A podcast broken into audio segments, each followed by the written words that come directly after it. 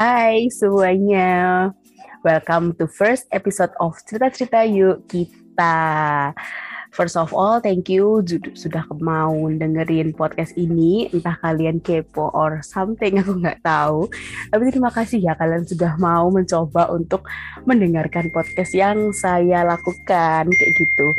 Uh, sebelumnya, podcast ini itu dibikin melalui online karena kita sedang PPKM, kita sedang masa pandemi. Jadi aku ngadainnya melalui Zoom meeting kayak gitu. Dan aku nggak tahu nih bakal seperti apa kualitas audionya, but let's pray for the best kayak gitu. So, di episode kali ini aku ngundang salah satu teman lama nih yang sekarang sudah jauh dari Surabaya tinggalnya kayak gitu. Uh, halo Aldio. Halo. Salah satu narasumber favorit di podcast orang-orang nih kayaknya. Kok kayak Prambors ya? Oke oke oke. Kangen kangen Surabaya, kangen Surabaya. Ah mana kok? Baru berapa bulan sih di sana? Baru satu bulan kok, satu bulan setengah. Cuman kan lumayan. Di sini kan itu tau kayak yang tadi kita ngomong out of record kan kayak mm-hmm. makanan di sini tuh banyak yang enak tapi goreng-gorengan yang nggak ada yang seenak di Surabaya. Gorengan apa sih? Sambalnya apalagi pak? Kalau Surabaya gorengan apa? Penyetan bos, penyetan, pecel lelenya, terus anjing di sini nggak ada soto daging juga gitu, nggak kayak di Surabaya. Di Surabaya tuh kayak orang kalau mau cari soto mau cari rawon itu ada banyak gitu. Sedangkan di sini tuh kayak nggak tahu udah di mana gitu. Kayak makanan tuh gitu-gitu aja. Ketoprak apalagi terus jangkut semua babi-babi semua. Hal-hal mahal semua. juga ya. Donat donat donat mahal cake cake mahal gitu ya. Kayaknya kebanyakan. Kalau donat kalau donat sih donat sih ada lagi iya.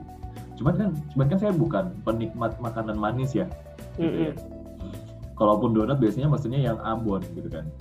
Gitu. Yang dari timur. Ambon. Oke. Oh, dan jadi kayak dikit dikit cuy. Dikit dikit banget di sini tuh. Nggak nggak nggak nggak sevariatif di Surabaya kayak apa ya menurutku nasi campur terenak itu tetap ada di Surabaya ya. Karena kayak menurutku jujur ya. Mm -hmm. nasi campur daging babi itu nggak seenak nggak seendolita Surabaya. Bahkan nasi nasi nasinya nasi campur yang buruk itu lebih enak gitu daripada nasinya sih orang-orang di sini gitu. Meskipun haramun tapi lebih enak yang halalun gitu loh.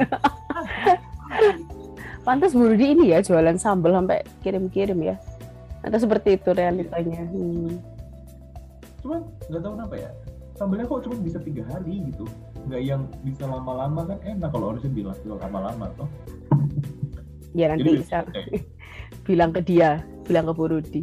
Kangen Surabaya apa kangen orang yang di Surabaya dia kangen orang di Surabaya ada ada dong. Ada dong ada dong. Oh anda belum tahu yang update baru ya? Apa? Itu belum belum tahu. Kita terakhir ngobrol kapan Mbak kita terakhir ngobrol bahas soal indigo anjing Hah, Indigo? Iya dah. Nah, iya. Iya, iya. Yang apa ya?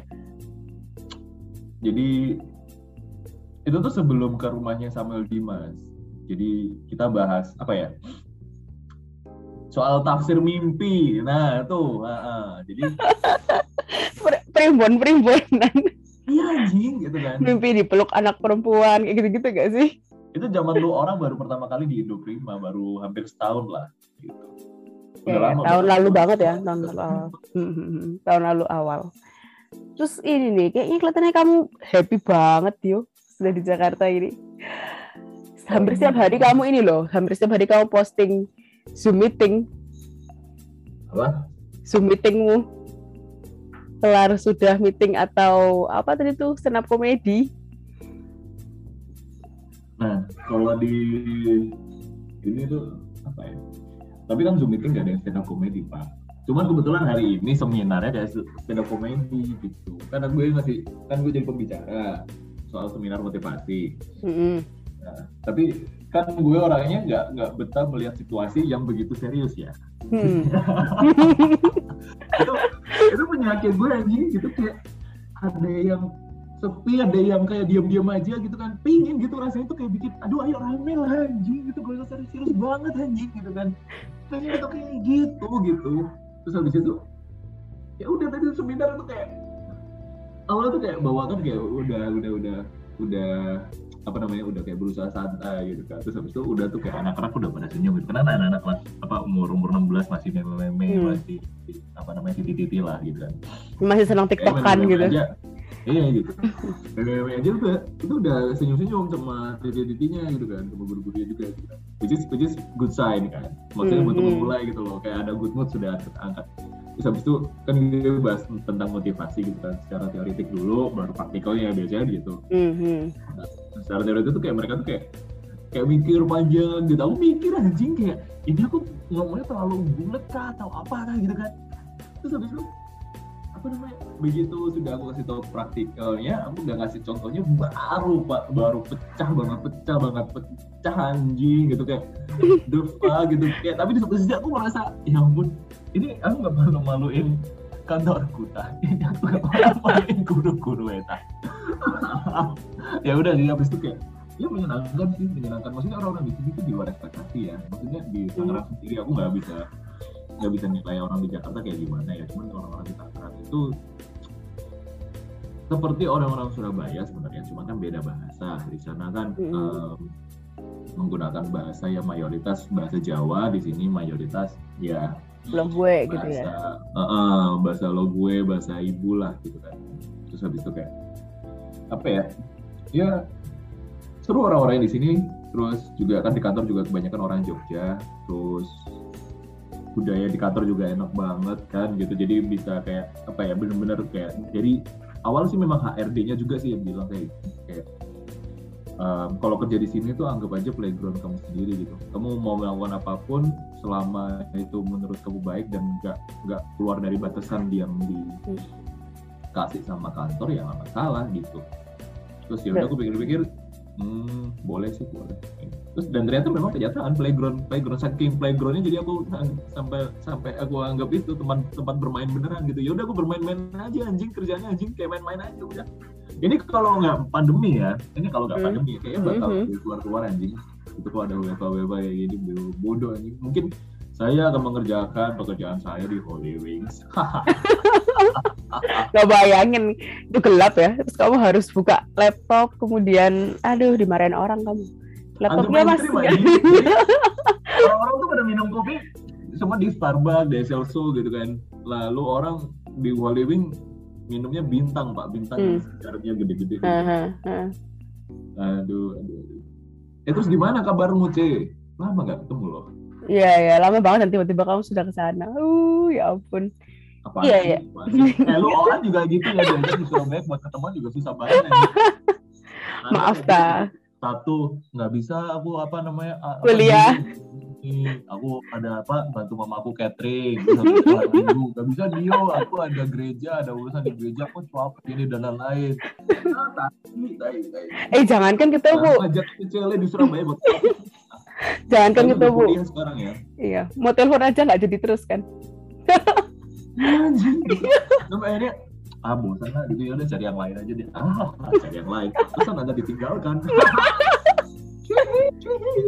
Mak jelep-jelep. Aku ingat terakhir yang kamu mau cerita tuh masalah apa tuh kerja sampai jam 9 malam. Yang waktu masih di Surabaya sih waktu itu. oh itu Sebuah lowongan jebakan.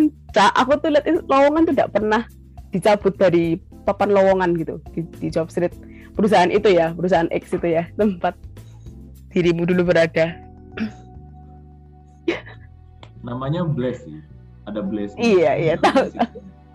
Messi banget Kayak, itu adalah tempat aku nyoba HRD ter mungkin ter ter Enggak. terenggak banget lah aku aku gue nggak bilang soal company-nya Hmm. tapi Manajemennya. bagus beberapa divisi bagus Eh, budayanya bagus maksudnya kayak eh, environment-nya bagus tapi untuk nya sendiri sangat sangat buruk ya. Secara manajemennya kali ya. Tatanan manajemennya. tapi memang gitu nggak sih ya memang kayak kalau misalnya di sistem nggak misalnya kalau kita kerja di bagian yang menggerakkan sistem atau jantungnya dari perusahaan kalau misalnya sistemnya sendiri di situ nggak benar orang-orang pasti nggak betah nggak betah banget nggak sih Iya, Gitu. nggak betah dan kita sebagai jembatan juga susah sih. Makanya- Susah sih. makanya. Hmm. Ya, Kayak gitu. Kamu Jadi pengen kayak yang betul aja pak, kamu nyuruh saya gini gitu. tahu lagi kan anjing jadi kayak gini yang lucu adalah ketika aku keluar itu kan kayak aku bilang teman-teman Ini kalau misalnya aku di sini terus mungkin aku akan mempelajari banyak bidang HRD tapi aku nggak bisa berkembang lebih di sini. Karena aku mau aku gini aku kalau kerja nggak lihat uang gitu. Kon mau ngasih atau kamu mau ngasih aku gaji 3 juta pun dengan pekerjaan yang memang sesuai dan memang apalagi kalau sesuai dengan maksudnya sesuai dengan passionku ya gitu. Kan aku nggak Mhm. masalah nah aku digaji di sana UMR UMR dan pekerjaannya enggak banget gitu. Dan sedangkan kayak apa namanya demandnya juga enggak banget gitu kan. Terus habis itu kayak apa namanya pokoknya sistem birokrasinya pun juga aneh banget gitu loh. Nah terus habis itu kayak terlalu banyak drama juga Mm-mm. ya udah aku sampaikan itu ke temanku. Terus habis itu aku keluar ya kan. Keluar terus satu bulan kemudian teman-teman saya yang di HRD sana juga keluar dong Oke, kosong berarti. Hah? Kosong berarti di sana. Berarti bener-bener segitu bad, bad manajemennya banget loh kalau kayak gitu. hancur hancur hancur memang memang memang apa ya Em,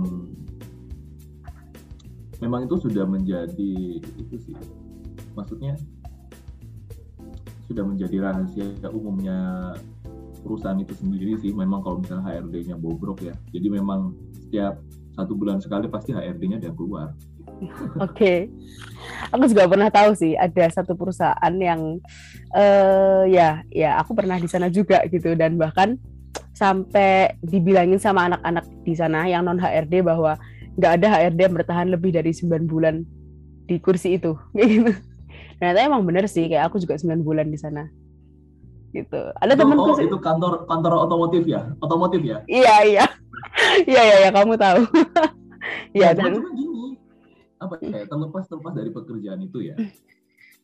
Sebenarnya gini yang kita cari itu sebenarnya kalau misal em, pekerjaan itu berat at least kita dihargai secara mental. Nah menurut aku nggak banyak perusahaan yang kayak gitu gitu at least at Ya. least gini kamu membangun kedekatan antar karyawan lah kalau misalnya pekerjaan berat gitu kan jadi kayak karyawan itu tahu di mana tempat berkeluh kesah dan tahu di mana untuk minta tolong gitu. Mm-mm. ya Nah, udah susah banget buat minta tolong, pekerjaan yang banyak antar karyawan punya kerjaan sendiri-sendiri ya gimana mau ketemu gitu. Ya nggak Ya. paham nggak sih itu? Iya paham paham. Jatuhnya jadi kayak dikerjain sih, bukan kerja itu. Makanya, Eh, makanya, iya. makanya kayak gitu, banyak kan kayak gitu gitu ya. Mm. Jadi kayak uh, belum belum belum maksudnya apa ya belum mateng lah gitu. Terus habis itu begitu aku ke Jakarta dengan trauma yang aku bawa, kan aku tuh sempat tuh kayak ngerasa trauma. Trauma ya, trauma ya. iya, iya anjing gimana nggak trauma gitu. I see. Trauma, trauma Itu itu ya. gimana itu? Itu biasa ya. Jadi aku Hmm. masuk.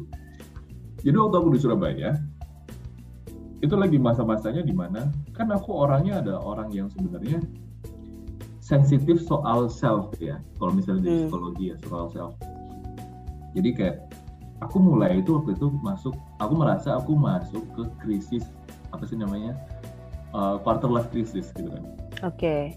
terus habis itu nah fase quarter life crisis yang aku rasakan dengan beban maksudnya dengan apa namanya beban pikiran yang di yang ada di dalam keluarga aku waktu itu itu membuat fase itu menjadi panjang gitu kan Memperparah Nggak juga ya. dong. Iya iya, jadinya kayak ke triggernya itu makin wadaw wadaw wadaw gitu, jadi kayak Mhm. nggak selesai selesai gitu. Itu masa masa quarter life crisis yang memang memang mungkin semua orang akan menghadapi itu.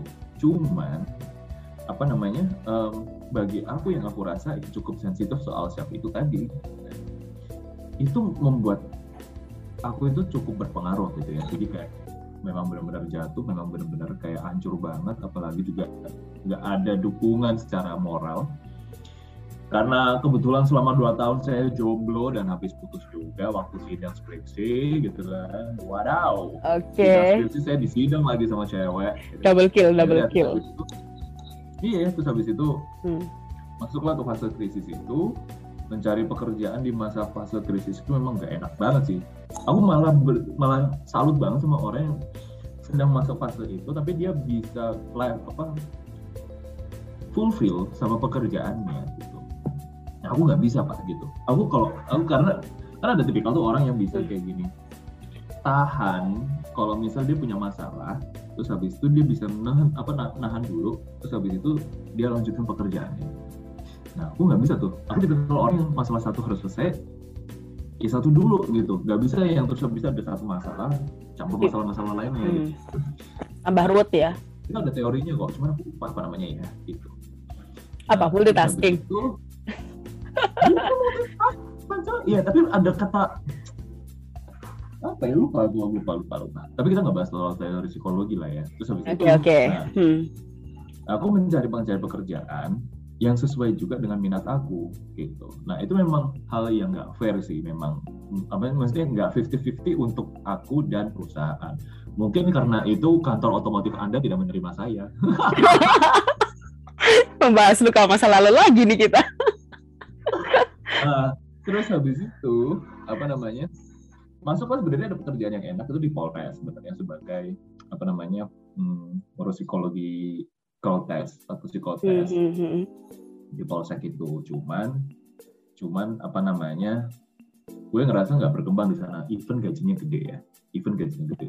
Di Surabaya menurutku dengan pendapatan 5 ke atas as fresh graduate apalagi kalau kamu bekerja di ya korporasi pemerintah ya gitu kan mm -hmm. kan ada tuh biasanya ada campur tangan dari dari ada ada service khusus lah dari customer gitu kan mm -hmm. tips, tipsnya itu kan mm -hmm. di amplop itu kan lebih dari lima ratus ribu biasanya atau dua ribu lah kan lumayan kan nah mm -hmm. di atas lima lu orang tambah tip lagi tambah enak kan pak gitu kan mm -hmm. cuman balik lagi aku nggak bukan tipikal orang yang kerja karena uang gitu loh. Kayak aku ngerasa kerja di sana diem doang diem dan aku nggak berkembang gitu loh. Jadi aku nggak mau. Aku nggak mau lanjutin masuklah ada tawaran pekerjaan di company itu yang aku bilang tadi HRD itu ah, terus ah. pas aku terima wadaw banget gitu. Wadaw terus habis itu pas itu juga lagi apa namanya sakit-sakitnya juga secara mental ya. Terus habis itu terpapar dengan kondisi uh, perusahaannya kayak gitu ya udah makin makin hancur makin fragile waktu itu terus habis itu uh, aku mutusin untuk resign dengan artian untuk diriku sendiri untuk self hmm. adalah aku mau rehat gitu sambil yeah. cari pekerjaan yang untuk gimana melepaskan yang bisa dilepas lah ya enggak, hmm.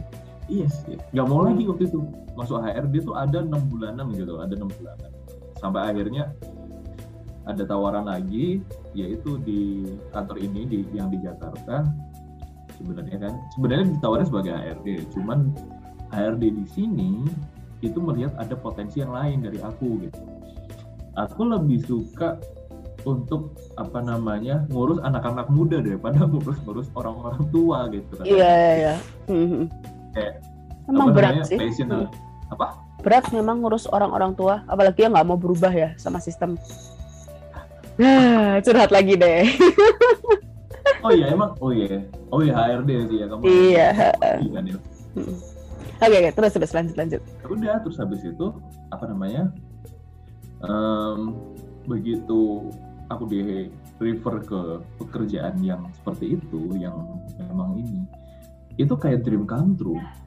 Itu yang buat aku seneng gitu. Jadi dream come true-nya adalah nggak ada maksudnya aku kira pekerjaan yang seperti ini itu nggak ada gitu yang pekerjaan adalah tugasnya kamu mensupport mahasiswa Hmm, Oke. Jadi kamu memberikan konseling, memberikan apa namanya kayak pelatihan, memberikan seminar, udah gitu doang pekerjaannya gitu. Kalau di kampus kita dulu kayak apa? ya? Academic advisor kali ya, AA. Ya. Pernah tahu? Mungkin ya, mungkin ya. Heeh, heeh, kayak gitu. Tapi saya di kampus saya yang lama saya merasa itu tidak bekerja, Tidak berfungsi ya. tidak berfungsi. Kita saja banget tidak tahu itu apa. Mungkin mungkin karena kita ada psikologi sendiri ya, jadi kalau misalnya Konseling ke dosen sendiri. iya iya. Cemeri, Cemeri. Sebut nama deh. nggak apa-apa nanti kita kasih kredit deh. Lumayan pak. Dia Terus dengerin itu- ini. C ada namamu. Ya udah Oke, nanti kita hmm. chat nanti kita chat beliau. Cek namamu masuk podcast mau numpang terkenal nggak asik.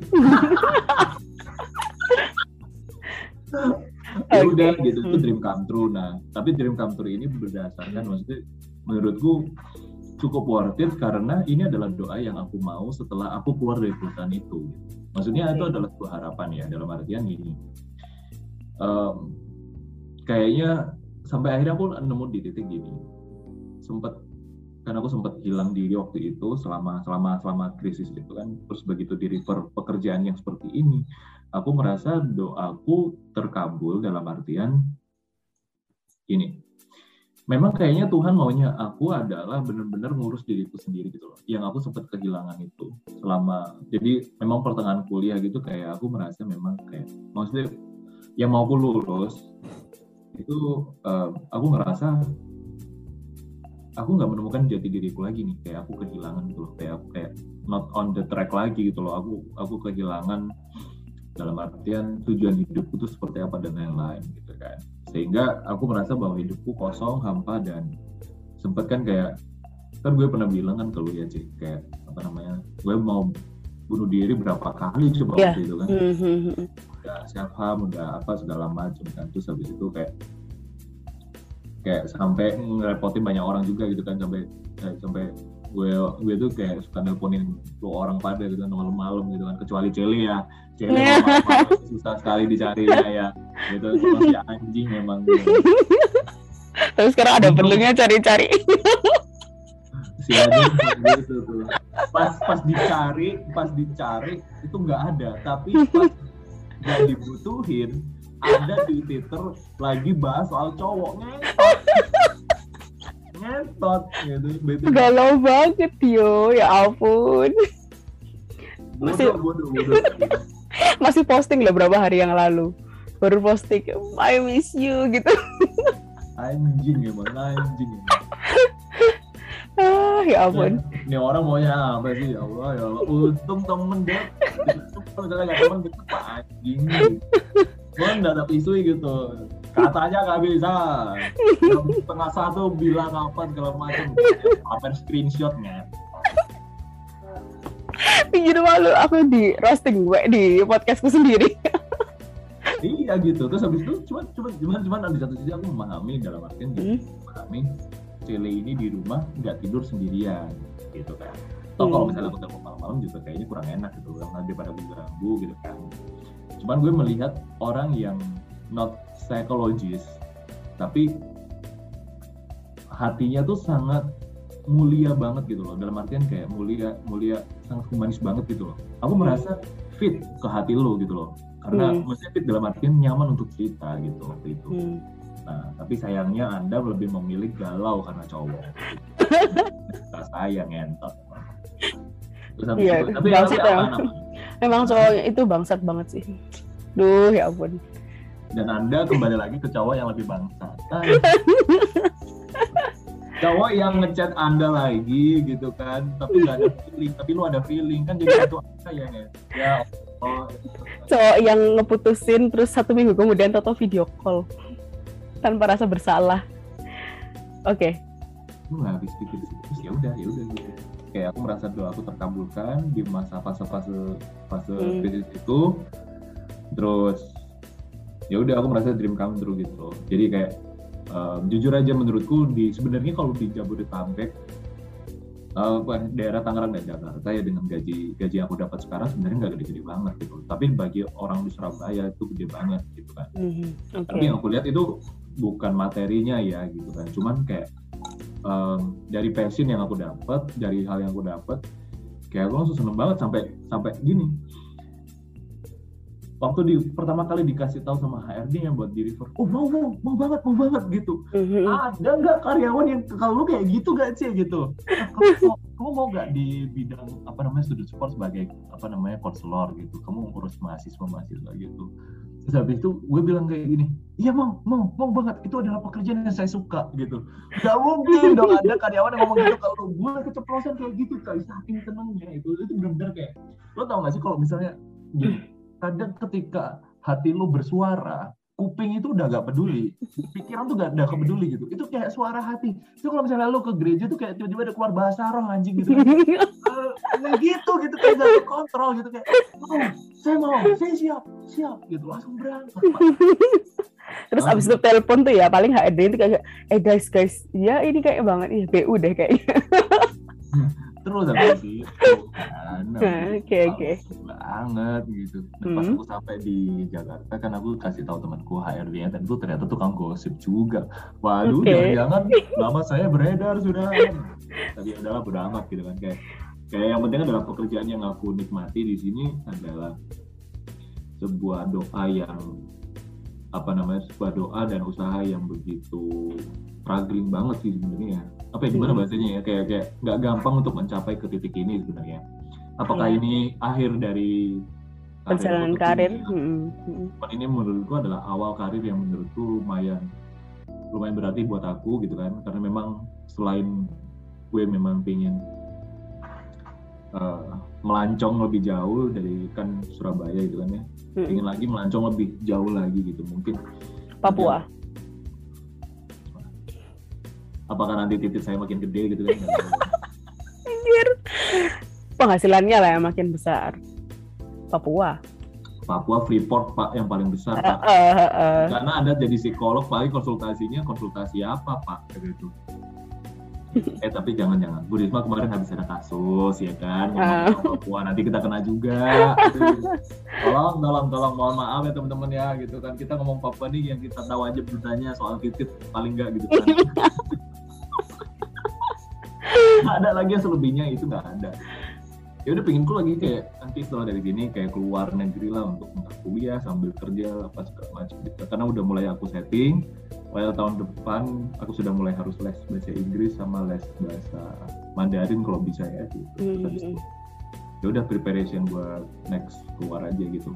Ya itu sih kayak di sini bakal 3 sampai lima tahun dulu. Ya doain Hmm. aja ya semoga semoga aman gitu. Lancar ya. Hmm, hmm, hmm, hmm. Gitu. Terus habis itu ya udah deh. Kalau untuk ini kayak eh, make friends sendiri kayak beda nggak sih sebenarnya? Daerah sana dan sini apa gimana? Sana sini. Untuk berteman. nah ini lucu nih lucu nih. Hmm. banyak orang ngira gue itu orang yang pinter cari teman. Dah, memang kan? Enggak. Enggak Enggak. masa sih? Iya. Kamu lu sangat friendly. Maksudnya enggak aku melihat dari awal tuh anak ini enak banget nih diajak berteman. no no no. Memang aku berusaha memasang gini dari kecil ya. Memang aku dituntut untuk memberikan first impression yang baik ke orang lain tapi enggak diberitahukan caranya bagaimana mem- mempertahankan first impression itu.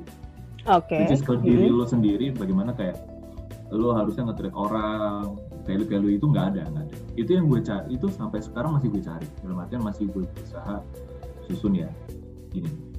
Um, basic keluarga gue adalah um, mereka tipikal gini mungkin karena dari orang tua dulu ya strukturnya mungkin lebih jelas kalau dari orang tua papa dan mama um, orangnya sangat sangat itu ya trust issue banget tau gak sih jadi Hmm. kalau, tipikal ada apa ya? Curiga, curiga, gampang curiga. Yes, yes, gampang Hmm. curiga, gampang nggak percaya sama orang lain. Mm-mm. Um, kok gampang nggak percaya? Nggak percayaan gitu loh, nggak percaya sama orang lain. Terus, terus apa namanya? eh, gampang juga kemakan berita-berita yang enggak-enggak gitu loh. Jadi kayak dan mereka sangat menjaga aib banget orangnya. Hmm, Oke. Itulah yang menurun ke anak-anaknya gitu kan.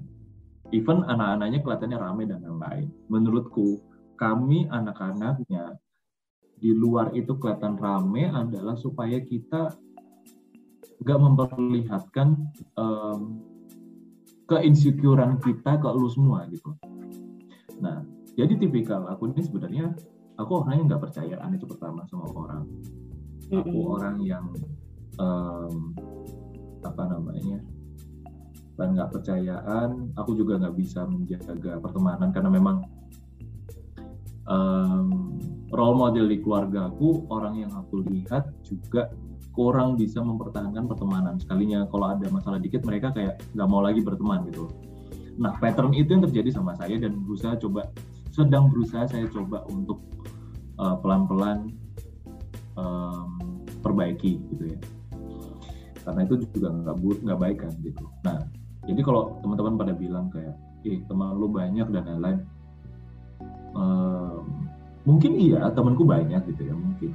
Cuman yang aku bilang teman deket dan sahabat itu nggak ada. Gitu. Jadi aku nggak ada namanya jadi gini kadang aku pernah waktu itu kecil SD ya um, teman-teman itu kayak disuruh sama guru apa ya guru bahasa Indonesia atau apa ya gitu bahasa Indonesia kayaknya. Jadi kayak nulis kayak apa namanya temanmu siapa aja keluargamu siapa aja gitu. Maksudnya yang apa namanya deket gitu. Pokoknya disuruh gambarin lah gitu kan. Nah aku tuh nggak bisa kayak gitu. Tiba-tiba nangis anjing gitu. Kayak aku tuh bingung gitu. Aku cuma bisa gambar keluarga aku doang gitu. Bahkan fun fact aja sampai sekarang mm-hmm. karena aku merasa aku nggak bisa deket sama siapa pun gitu ya.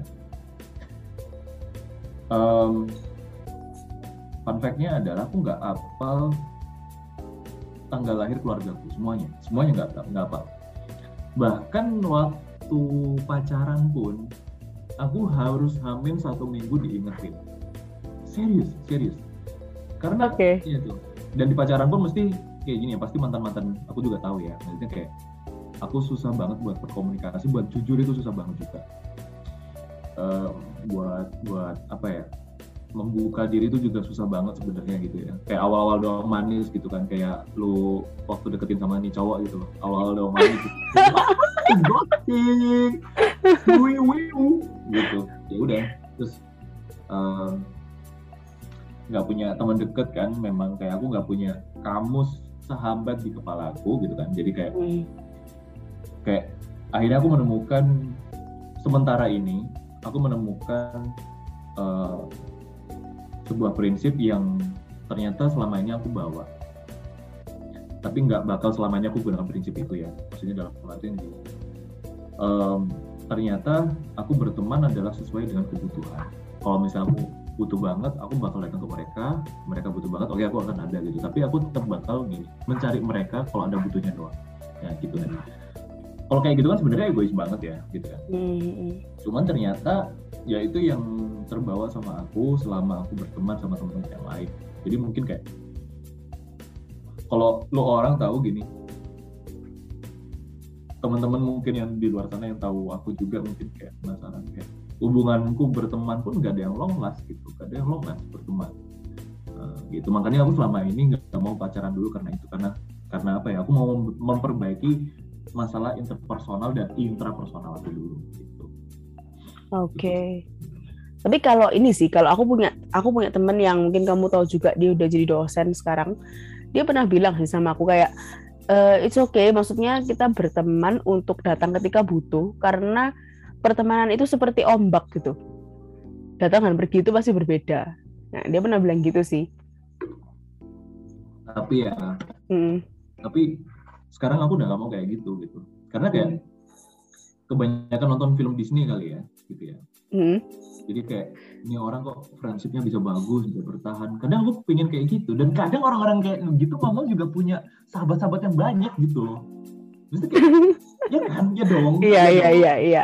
Ada teman untuk dibuat cerita. Nah gue tuh banyak teman tapi gue nggak tahu harus cerita ke siapa. Gitu. Kayak apa ya? Nah terus habis itu sama apa ya kayak gue tuh nggak nggak nggak mau kayak yang terlalu kayak gitu gitu. Mungkin akan ada masanya kita menggunakan prinsip itu dalam dalam berkehidupan ya. Cuman hmm.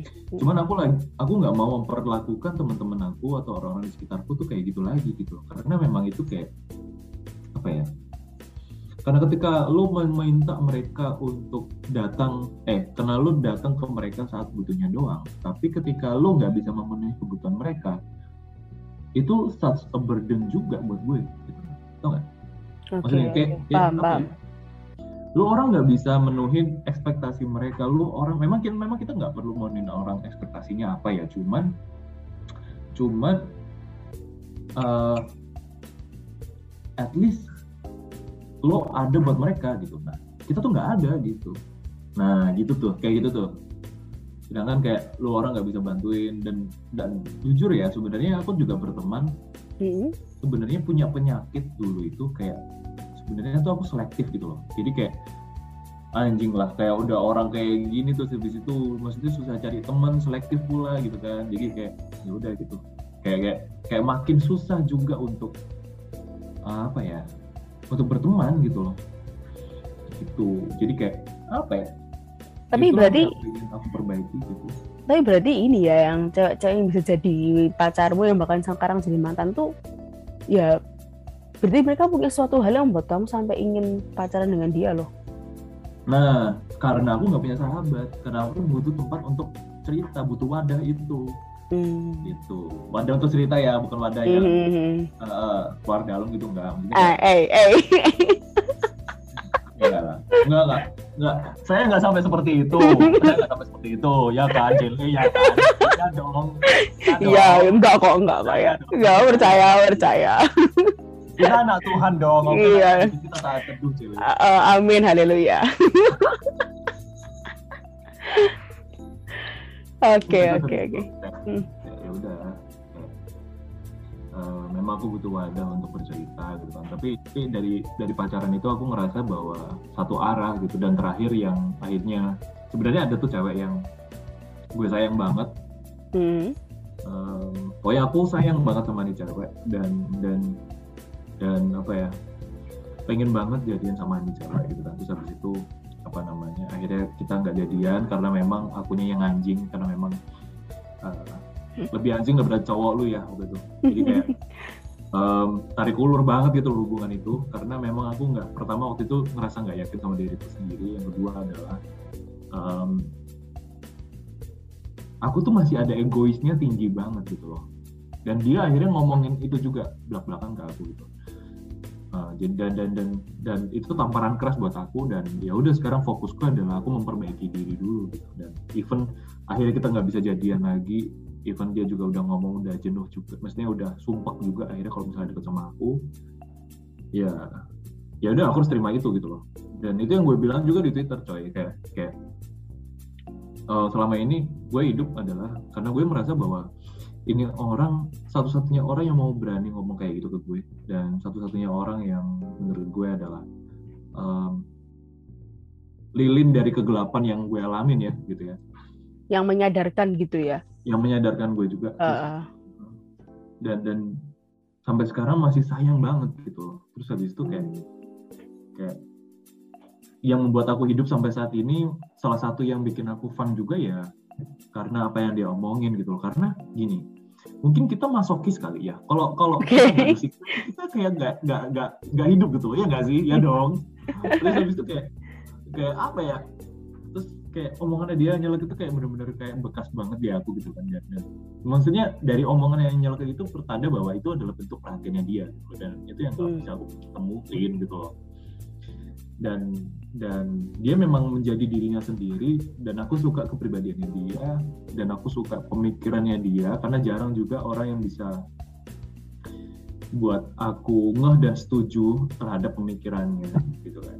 Dan dan, dan ya udah dia yang merubah aku banyak sih maksudnya sampai saat ini ya gitu. Satu kalimat aja yang keluar dari mulutnya dia itu merubah beberapa pola berpikir- ber- berpikirku gitu kan. Itu yang kayak wah ini orang memang ajaib banget sih gitu ya. cuman cuman em, meskipun nggak ada dia entah dia nanti jadian sama yang lain atau apa ya ya itu terserah dia gitu loh. Yang penting adalah gini em, at least gue pernah ngerasa namanya sayang. Gue pernah ngerasa namanya cinta gitu loh. Cinta yang bener-bener pure. Yang memang pingin aku rasain yang memang aku cari selama ini gitu kan bukan berarti yang sama mantan mantanku itu nggak kayak gitu enggak gitu. Tapi kayak apa ya em, ini orang yang bener-bener klik banget gitu loh.